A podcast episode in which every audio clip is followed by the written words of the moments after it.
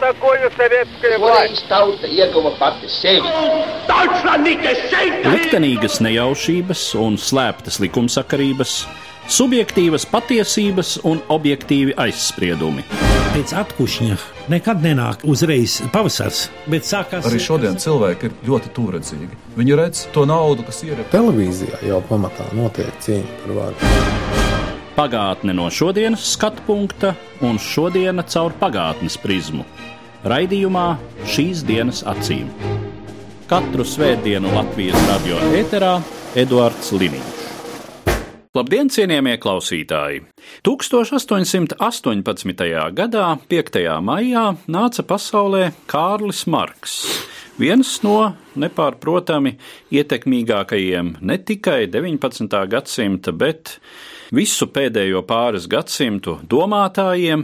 Par Kārli Marksu, par viņa idejisko mantojumu un viņa ideju ietekmi vēsturē mūsu šodienas saruna un mans sarunbiedrs studijā Latvijas Universitātes Sociālo zinātņu fakultātes dekāns Juris Rozenvalds. Labdien! Labdien! Marks ir nācis pasaulē Vācijā. 19. gadsimta otrās desmitgades beigās tā ir joprojām sadrumstalota Vācija, politiski sadalīta, kultūrāli vienota telpa, un Marksa gadījumā vēl jāpiemina tas, ka viņa ģimene ir ebreju izcelsmes, lai gan tajā brīdī kristījušies ebreji. Ko jūs minējāt par sadrumstalotību, ir pilnīgi pareizi. Tā pašā laikā mums ir jāņem vērā vēl viens apstākļus, proti, līdz 1815. gadam Reinas apgabals, kurā piedzimis Marks un piedzimis viņš Trīrā pie pašas tagadējās Francijas, Luksemburgas robežas, turpat tuvumā, daži kilometri burtiski. Un līdz 15 gadam Reins apgabals bija Francijas sastāvā. Un līdz ar to mēs varētu teikt, ka šeit, salīdzinājumā ar citām Vācijas valstiņām, varbūt vislielākā mērā izpaudās, nu, var teikt, Franču revolūcijas idejas. Un šeit nav runa tikai par revolūcijas ideālu turpinājumu, bet kaut vai, teiksim, Napoleona kodeks, kas tomēr mainīja ļoti daudz attiecības tieši tādā kapitāliskās attīstības virzienā un noņem daudzas barjeras. Tas ir viens, ko vajadzētu ņemt vērā. Un otrkārt, tieši to, ko jūs minējāt par viņa ģimeni, jo tēvs bija redzams jurists. Un viņš ir kristījies karjeras dēļ, un pēc tam kristīja sievu un kristīja bērnus. Līdz ar to Marks bija kristīts ebrejs, bet tai pašā laikā tā ir interesanta tēma. Ja mēs runājam par tādu marksoloģiju un Marksa, var teikt, intelektuālas attīstības pētīšanu, joprojām pētnieks strīdās par to, cik lielā mērā tieši šī reliģiskā domāšana, kaut kā ģimene kopumā, bija laicīgi orientēta. Kaut arī te nedrīkst aizmirst arī to, ka Marksa tēvots bija rabīns Trīrā, līdz ar to šīs saites kaut kādā veidā saglabājas, un liels jautājums ir par to, cik lielā mērā šie reliģiskie motīvi atstāja iespaidu uz Marksa domāšanu, un viena no versijām ir arī tāda, ka pat tāda, nu, liekas klasiski marksistiskā ideja par proletariātu pasaules vēsturisko misiju sākumā dzima 40. gadu sākumā, un to var redzēt arī Marksa tekstos, dzima kā tāda laicīgā atbilde uz šo centrālo kristietības ideju par Kristus upuri, ka Kristus ziedo pats sevi cilvēks labā, un šai ziņā proletariāts, kā Marks 1843. gadā savos tekstos apraksta proletariātu, šeit zināmā mērā var redzēt līdzību ar to, vismaz daudz pētnieku to pasvītro. Ja mēs raugāmies uz šo laikmetu, tad tas ir agrīnais kapitālisma posms, Tātad industriālā revolūcija Anglijā, un, ja runājam par kontinentālo Eiropu, tad Vācijas rietumi, Reinzeme, tā ir tā vieta Eiropā, kur tūlīt pēc Britu salām, teiksim, industrializācija, kapitāla koncentrācija ir novērojama. Droši vien var teikt, ka Marksa idejiskā ievirza un viņa veidošanās ir lielā mērā likumsakarīga, jo nu, viņš redzēja to dzimstošo kapitālismu un arī visas tās problēmas, kas tajā sākuma posmā ļoti nozīmīgi izpaudās, patiešām strādnieku diezgan nožēlojams sociālais stāvoklis un vispār visas kapitālisma nelaimes. Ja mēs runājam šādās kategorijās un runājam par strādnieku šķiru, tad mums pirmām kārtām vajadzētu pieminēt arī Marksa alter ego, ar kuru viņš iepazīstās ap 43. un 44. gadu, nu kļūst par draugiem uz visu mūžu. Mēs lielā mērā varam teikt, ka tas, ka Marks 1850. gadā nokļūst Anglijā un kur pavada arī visu savu dzīvi līdz mūža galam, tad izdzīvot vienu brīdi Anglijā viņš varēja tikai tāpēc, ka viņam palīdz palīdzēja Engels. Un šajā ziņā es domāju, ka daudzas tās ierosmes, kas saistās tieši ar strādnieku šķiru, nāca arī no Engelsa, tāpēc ka Engels bija vēl labāk pazīstams ar šo vidi, ņemot vērā to, ka viņš cēlies no tās rūpnieku ģimenes un arī pieminēsim kaut vai viņa ļoti iespaidīgo darbu strādnieku šķiras stāvoklis Anglijā. Bet ja mēs runājam par Marksu, man liekas, ka te vēl svarīgāk būtu pieminēt to, kā attīstījās Marks kā intelektuāls, kā domātājs, un šeit tomēr pirmām kārtām lomu spēlē filozofiskās idejas. Un šeit, ap citu, vēl viena lieta, tad, kad runā par Marksu, tad var uzdot jautājumu par kuru. Tāpēc, ka Marksa īpatnība ir tāda, ka vārds marksisms un marks ilgu laiku līdz pat 20. gadsimta 30. gadiem, daudzās citās, it īpaši angliski runājošā pasaules daļā līdz pirmiem gadiem pēc otrā pasaules kara, saistījās ar tiem Marksa klasiskiem darbiem, tādiem kā Komunistiskās partijas manifests, kapitāls, kur Marks parādās kā tāds barks, un reizē es gribētu tā teikt, savā ziņā pat mazliet cinisks kapitālisma kritiķis, jo viņš nekritizē kapitālismā kapitālu, tāpēc ka kapitāls ir slikts. Viņš saka, nē, tā tas ir pēc objektīviem likumiem, bet viņa pārmetums ir tāds, ka kapitālisms savas iekšējās attīstības neizbēgami nonāk līdz bojai, kur viņš kļūdījās, bet tur ir interesanti arī noskaidrot, kāpēc viņš kļūdījās. Un tad 20. gadsimta 30. gados tika publicēti vairāki Marksa agrīnie darbi. Un tur Marks parādās cits. Un līdz ar to, citu, ar to saistās ļoti liela Marksa popularitāte, tādu kreisi orientēto pirmām kārtām, bet ne tikai domātāju vidū pēc otrā pasaules kara. Kad publicēti un aizgāja tādā plašākā apritē Marksa ekonomiski filozofiskie rokļi 1844. gadā, kur parādās vesela virkne tēmu, un daudzi bija pārsteigti. Radās jautājums, vai vispār mēs par vienu Marksu varam runāt. Jo tur parādās tādas tēmas, kas mūsdienās ir ļoti saistošas, kā atsvešināšanas problēma. Vispār tur parādās kapitālisma tāda morālā kritika, kur kapitālisti tiek kritizēts tāpēc, ka tas paverdzina cilvēku. Un vesela virkne ļoti nozīmīgu ideju, kas saistās ar cilvēka darbības specifiku. Bet pirmā Marksam ierosina nāk no radikāliem Hēgeļa skolniekiem, tā saucamiem jaunhēgeliešiem, un tieši šajā vidē viņš attīstās, tāpēc daudz ko, ko es esmu minējis attiecībā uz proletariātu izpratni, var saprast, izējot no tā. Un vēlāk, protams, Marks gan pats iesaistās tādā revolucionārā kustībā, gan kļūst par vienu no tās organizatoriem, ko parāda arī Komunistiskās partijas manifests. Ja mēs domājam par šo Marksa ideju, ka proletariātam ir jābūt tam spēkam, kas mainīs pasauli, kas cels jaunu pasauli. No šodienas viedokļa raugoties, mums tas var šķist zināmā mērā paradoxāli, jo strādniecība pati par sevi nav intelektuāli orientēta šķira. Mēs arī redzam šo vidi visā vēstures gaitā. Pati par sevi tā rada maz impulsu un arī pati par sevi ir diezgan problemātisks materiāls sociālām pārmaiņām. Tā ziņā varbūt vidusšķira ir dinamiskāka un aktīvāka bieži vien. Tad kur rodas pamats tai domai par to, ka tieši proletariāts? Viena no centrāla marksisma idejām ir ideja par proletariātu pasaules vēsturisko misiju.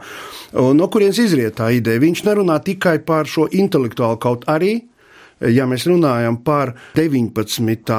gadsimta to laiku, kuru apraksta Marks un eh, Engels, tomēr proletariāts tie ir relatīvi kvalificēti cilvēki. Tā, uz tā fona. Jā, tas, ko tā industriālā revolūcija ir nokrejojusi, var teikt, no laukiem, no jā, zemniecības. Jā, jā, jā, tieši tā.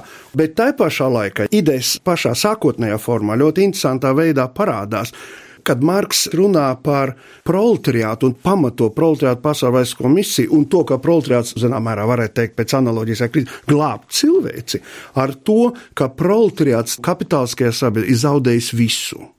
Tam nepieder nekas izņemot darba rokas, kuras proletariāts spiests pārdot kapitālistam, lai nodrošinātu sev iztiku. Protams, ja mēs paskatāmies uzmanīgi uz šiem agrīniem tekstiem, tad mēs redzam, ka bieži vien, tad, kad viņš atsevišķos gadījumos savas koncepcijas interesēs runā ne tik daudz par proletariātu, bet par tādu lumpeņiem mazliet, bet tai pašā laikā viņam šī doma ir svarīga. Un es gribētu teikt, tad, kad mēs jautājām, kur tad ir tas Marksa galvenais grēks, kur sākās tā sakne, kas zināmā mērā pēc tam uz marksismu ideju pamata ļauj ļāva attīstīties tādām mācībām, kuras par simpātiskām neko īpaši nenosauksi. Tad, manuprāt, šī sakne ir meklējama tai Marksa priekšstatā, par to, kas ir tas, ko var nosaukt sabiedrisko interesi. Kas tad pauž sabiedrisko interesi? Un šī tēma nodarbina 17, 18, 19 gadsimta domātājs. Liberālismā tā ir ideja par to, ka šīs daudzu cilvēku individuālās intereses, kur tās pārklājās,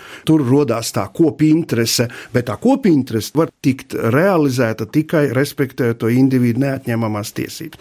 Marksam savukārt ir ideja, viņš runā ne tik daudz par individiem, viņš runā par šķirām. Un viņš proletariātu proletariāta uzskata, un tā ir viņa priekšstatu sakne, ka proletariāts būdams tāds, kāds tas ir, var pārstāvēt reize visu sabiedrību. Tāpēc, ka viņš ir vienīgā sabiedrības šķira, kurai nav ko zaudēt šajā sabiedrībā, slavenās izteiksmes par ultrātu nav ko zaudēt, izņemot savas važas. Uz tā pamata un līdz ar to šeit faktiski iznāk tā, ka šī sabiedriskā interese jau pastāv, kā proletariāta interese, un tad šī komunikācija ar citām šķirām un tas, kas ir ļoti svarīgs liberālismam, šīs sabiedriskais dialogs vienkārši nav vajadzīgs. Un šeit, acīm redzot, manā izpratnē, vismaz ir marksisma tās grēkā krišanas zināmā mērā cēlonis, kas varbūt ne tik daudz pie paša Marksa, bet pie dažiem viņa sekotājiem iegūst diezgan atbaidošus paveidus. Bet šeit ir viena ļoti interesanta lieta, viens paradoks, kas saistās ar Marksu.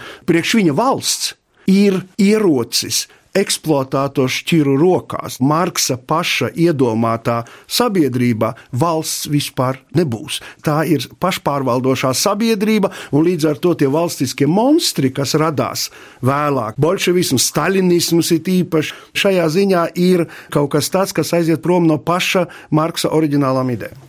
Jā, Marks runā par komunismu. Tas tiesa, bet viņš runā ļoti vispārīgi. Un, ja mēs uzdodam jautājumu, vai Marksam ir aprakstīta šī sabiedrība, Nu, nav. Viņš tā teica, ka tas uz to iet, bet kas tur būs, to viņš atstāja vēlākiem. Nu, diemžēl tie vēlākie bija mm, Leņņņins, Stalins un Maudzeduns, kas izveidoja tos totalitāros monstrus.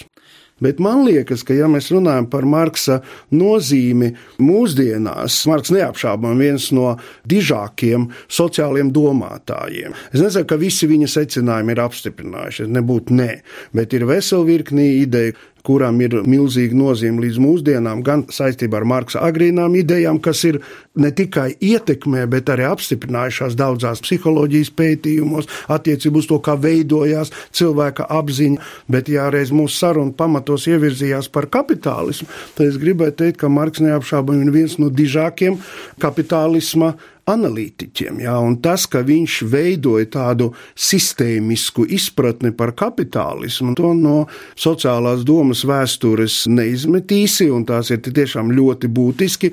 Tas, ka viņš parāda pirmām kārtām to, ka kapitālisms nonāk Un tas ir neizbēgami. Krīzēs un caur krīzēm iet uz priekšu. Savukārt šīs krīzes lielā mērā rada vēl viena būtiski piemītoša kapitālismam iezīme, un to Marks apraksta un pamato, ka kapitālisms pēc savas iedabas ir orientēts uz tehniskiem jauninājumiem. Un šie tehniskie jauninājumi nāk vienkārši tāpēc, ka kapitālists grib mazāk maksāt strādniekam, bet tad viņš ievieš jaunu tehniku, kuru savukārt pazemina peļņas normu, un pēc tam atkal veidojās krīzes.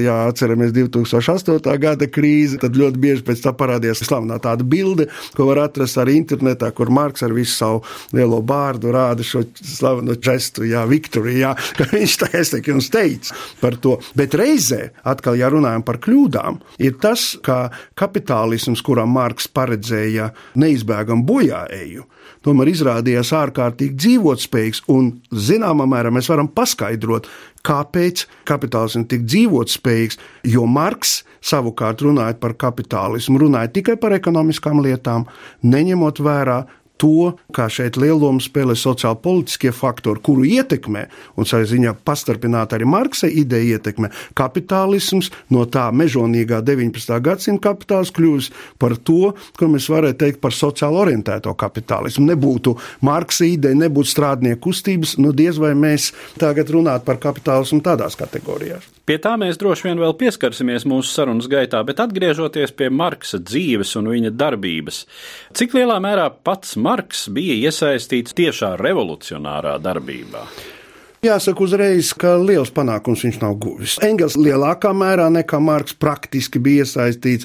Marks bija iesaistīts pastarpināti, minēsim kaut vai mēs atzīmējam to 170. gada dienu, kopš iznāca Komunistiskās partijas manifests. Un viena no versijām, bet eh, tur vēl jāpārbauda, ir tāda, ka Komunistiskās partijas manifesta teksts tika nodrukāts tieši tajā dienā, kad Parīzē sākās 1848. gada revolūcija.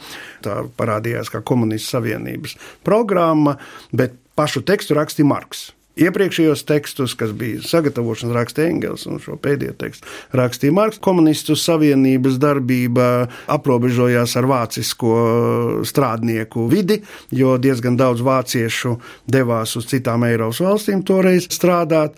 Un otrkārt, otrs mēģinājums tas ir pirmā internacionāla no 1864, kas ir patiešām jau bija starptautiskā strādnieku organizācija, bet pirmā internacionāla pastāvēja desmit gadus un sabruka ka iekšējo pretrunu rezultātā. Un otrkārt, vēl viena lieta mums jāņem vērā, te jau tās personiskās īpatnības. Marks bija ārkārtīgi ass un e, neiecietīgs cilvēks. Un līdz ar to ir sanīdies arī ar daudziem tā laika strādnieku kustības vadītājiem. Piemēram, tas slavenākais viņa konflikts ar tādu Vācijas strādnieku kustībā pazīstamu personu kā Vilhelmu Veitlingu, kur viņš vienkārši tur nolamājas un teica, ka nevar būt cilvēks, kas nezina. Veitlings nāca no strādnieku šķiras atšķirībā no Marksa, kurš bija filozofijas doktors. Un nu, slavenākais viņa konflikts ar Pierre Pierre Prudoni, franču sociālistu, un Prudonam ir tāda grāmata Nabadzības filozofija, un Marks ļoti asi, latviešu valodā arī viņa atbildi ir tulkoti, tas ir filozofijas nabadzība. To jau pēc pašiem nosaukumiem mēs redzam. Katrā ziņā viņš nav bijis tāds labs organizators, kas ir spējīgs ar daudziem runāt, meklēt kompromisu, nebūtu ne. Tātad, ja mēs runājam par tiešo ieteikumu strādnieku kustību, kopumā tā bija minimāla, bet, protams, Marks un arī Engels vēlāk viņiem bija liela loma kā tādiem savā ziņā simboliem, tā kā tādiem tēliem, kaut arī Marksa slavenā frāze jau mūža tādā otrā pusē, kad viņš teica, es neesmu marksists, tādā ziņā atsaucoties uz dažādām viņa ideju interpretācijām, bet caur darbiem caur šo darbu ietekmi, tur neapšaubām viņa ietekme ir būtiska. Es domāju, to mums vajadzētu pāanalizēt plašāk. Kas ir tas resurss tieši Marksa idejās, kas ļāva kļūt par šo idejisko un pēc tam arī sociāli politisko dzinēju spēku? Es domāju, ka pirmām kārtām Mārks ir piedāvājis nu, it īpaši 19. gadsimta kontekstā, neapšaubām ļoti tādu visaptverošu sabiedrības skaidrojumu. Marks un tas ir viņa spēks neapšaubām. Viņš nerunā tikai par atsevišķām tendencēm un atsevišķiem jautājumiem, bet viņš apvieno tādā lielā, var teikt, ļoti monumentālā bildē. Viena no šīs bildes svarīgākiem elementiem ir neapšaubām vēstures materiāls kā izpratne, kur Marks mēģina parādīt, ka ražotājs spēks saistās noteiktās, kā viņš saka, ražošanas ekonomiskās attiecības, uz to bāzes veidojās sabiedrisko attiecību kopums, pēc tam politiskā virsma un sabiedriskās apziņas formas. Bieži vien Marksam arī šajā sakarā pārmet ekonomisko determinismu. Bet šeit jāņem vērā, Marks bija polēmists. Un cīņā ar saviem reāliem vai iedomātiem oponentiem viņš bieži vien sabiezināja krāsas, Un šajā sakarā tiem, kuri saka, nu, ko tur Marks, viņš to ekonomisko faktoru galvenokārt pasvītro, derētu paskatīties uz dažiem Marksa darbiem, kurš analizē reālos procesus. Un šai sakarā es studentiem iesaku palasīt tādu Marksa darbu, kā Louis Bonaparte 18. brīmērs, kur viņš analizē Napoleona trešā nākšanu pie varas, kādā veidā attāls Napoleona Bonaparte radinieks kļūst par Francijas imperatoru. Un šeit viņš analizē, protams, tādā klasiskā marksisma garā ekonomiskos priekšnoteikumus, jā, bet viņš reizē analizē dažāda veida aizspriedumus, priekšstats, kas mājo sabiedrību. Viņš saka, ka uz vārdu Napoleons franču zemniecībai ir īpaša reakcija, ka tā nav vairs ekonomika. Bet šajā ziņā viņš parādīja to ļoti daudzveidīgo bildi, bet pati ideja par to, ka šis ekonomiskais faktors spēlē ļoti nozīmīgu lomu. Tas ir viens no svarīgākajiem Marks iegulu un viņa teikt, spēka avotiem. Cita lieta, vai tas tiek absolutizēts, vai tiek ņemts tādā kā metodoloģiskā ievirze.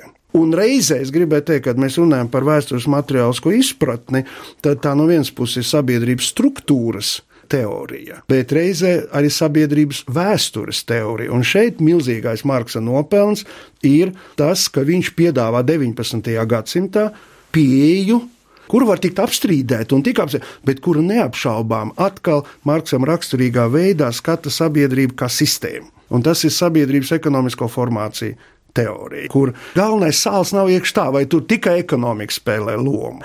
Bet svarīgākais ir tas, ka Marks parāda, ka vēsture nav atsevišķi mākslas vēsture, atsevišķi filozofijas vēsture vai ražošanas, bet tas savā ziņā veido tādus kompleksus kurus mēs varam saprast, izējot no noteiktā ražošanas veida. Marksa sabiedrības ekonomisko formāciju ir daudz trūkumu, bet sistēmiska pieeja sabiedrībai, nu, es domāju, ir viens no tiem ieguldījumiem. Un otrkārt, es domāju, ka, ja jūs jautājat, kur tad tā spēka avots, tāpēc, ka Marks no vienas puses turpina teikt, sociālismu tradīciju, bet tajā pašā komunistiskās partijas manifestā viņš cenšas norobežot savu kā viņš saka, zinātnisko sociālismu, no utopiskā sociālisma. Viņš mēģina sociāliskai idejai sniegt zinātnisku pamatojumu. Un tas viens no pamatojumiem, ko es minēju, tas ir, protams, kapitāls, kurā viņš mēģina parādīt, ka no vienas puses kapitāls nospēlē vēsturē pēc Marksa domām milzīgu progresīvu lomu, transformēja sabiedrību un deva sabiedrībai ļoti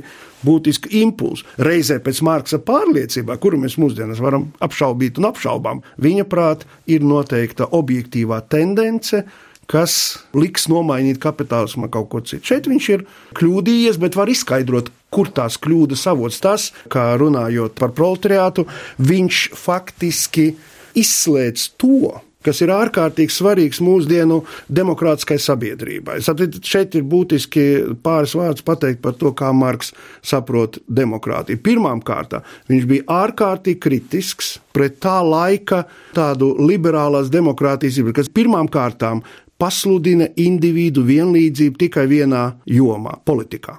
Miljonārs un uh, ubaks visi var vienādi piedalīties politiskajā procesā. Un Marks pilnīgi pamatoti un mēs arī tagad teiktu, pamatoti teica, bet ar to nepietiek. Vajag politisko demokrātiju papildināt ar to, ko viņš sauca par sociālo demokrātiju. Jo kamēr nebūs sabiedrība sociāla-ekonomiskajā ziņā homogēna, tikmēr arī tā politiskā, un šeit ir taisnība, mēs varētu teikt, bet kopā ar ūdeni viņš tā kā bērnu izmet laukā no vanniņas. Proti, viņam vispār šī politiskā demokrātija liekas maz svarīga. Un tā, manuprāt, ir viņa viena vēsturiskā kļūda. Nevelti viņš ārkārtīgi kritiski bija noskaņots pret parlamentārismu, lietoja tādu pat teicienu parlamentārais kretīnisms un tam līdzīgi. Šajā ziņā tā ir neapšaubām Marksa kļūda, un zināmā mērā es gribētu teikt, ka priekš Marksa valsts vienmēr ir vainu kategoriskākajos formulējumos valdošās šķiras izpildu komiteja, ko viņš raksta Komunistiskās partijas manifestā, citos darbos viņam nostādne pret valsti ir mērenāka. Proti, viņš vienkārši runā par valsti kā tādu atsvešinātu no sabiedrības spēku. Bet bužās kā valsts mašīna tiks lausta pēc Marksa domām.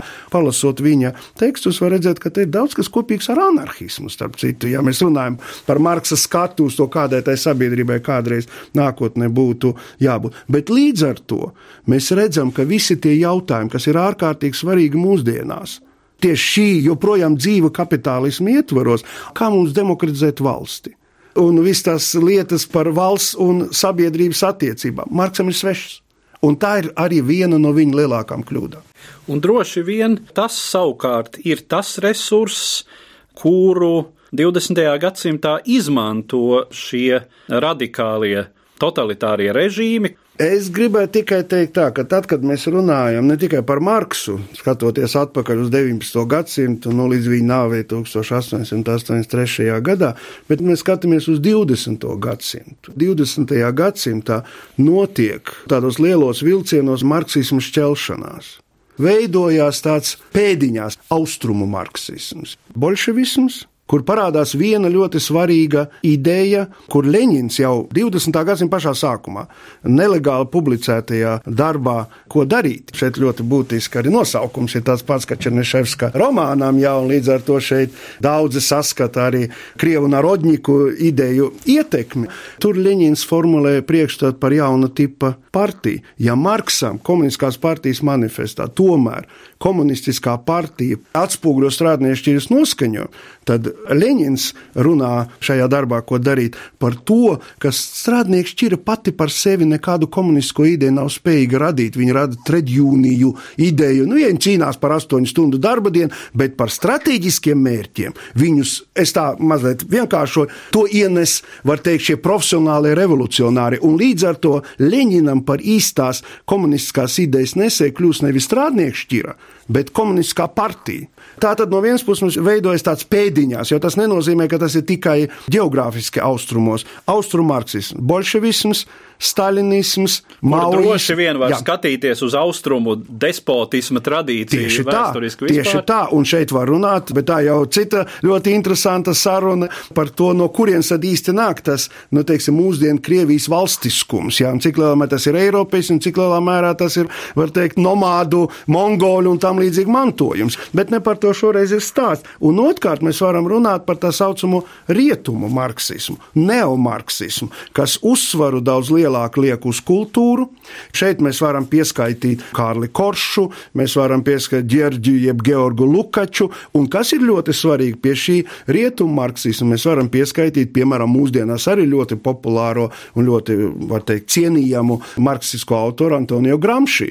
Šajā ziņā kaut vai atšķirība, pieņemsim, marksismu ideju par proletariāta diktatūru. Leņķinam proletariāta diktatūras simbols ir, var teikt, matrozis ar ložmetē lentēm šeit, vai attiecīgās organizācijas pārstāvs ādas jakā, un proletariāta diktatūra tā ir tā kā dzels dūri. Eksploatācija šķiro paliekas vienkārši apspiež un iznīcina. Gramši runā par proletariāta diktatūru kā par strādnieku šķiras morālo vadību sabiedrībā kas ir balstīta arī uz spēju atrast kopīgu valodu ar pārējo sabiedrību, un tā ir radikāla atšķirība. Kāda varētu būt marksisma loma 21. gadsimtā? Ja mēs runājam par marksismu kā politisku teoriju klasiskajā formā, tad eh, es domāju, no tā maz, kas ir palicis pēdējos 19. gadsimta gados, parādās Eduarda Bernsteina rakstu sērija Sociālismu problēmas, kur viņš aicina revidēt Marksu. Protams, ja mēs salīdzinām Bernsteinu kā tādu intelektuālu figūru ar Marksu, to ir grūti darīt. Bet, kā brīžiem saka, ar bērna muti runā patiesība. Vismaz vienā ziņā Bernsteinam izrādījās taisnība salīdzinājumā ar Marksu. Marksa ideju pamatā ir revolucionārais katastrofisms. Marks neiedomājās citādi pārēj no kapitālismu pie citām progresīvākām formām, kā tikai caur revolucionāro apvērsumu. Lūk, šādu revolucionāro apvērsumu laiks, acīm redzot, 21. gadsimtā ir pagājis. Un it īpaši, starp citu, to, pie kā noved tāda aiziešana galējos ideoloģiskajos eksperimentos, ļoti labi parāda otrais pasaules karš. Ar ko, starp citu, saistās arī tā saucamās deideoloģizācija teorijas plašā popularitāte rietumu pasaulē pēc otrā pasaules kara. Lūk, jums ir piemērs. Labējais radikālisms, tas ir nacisms, un kreisais tas ir stalinisms. Un no šī viedokļa es domāju, kādā ziņā Bernsteinam izrādās pēc tiem daudziem gadiem taisnība. ka šīs sociāliskās idejas kopumā un arī marksisma elementu loma mūsdienu sabiedrībā saistās nevis ar pretenziju, ka mēs jaunu pasauli sev celsim, bet ar to, ka šo pastāvošo sabiedrību var veidot humānāku uz šo ļoti marksismā svarīgu sociālā taisnīguma ideju pamatu. Tas ir pirmais. Un otrais, ja mēs runājam par marksismu, tad neapšaubāmi Marks ir un būs ārkārtīgi nozīmīga figūra intelektuālajā vēsturē.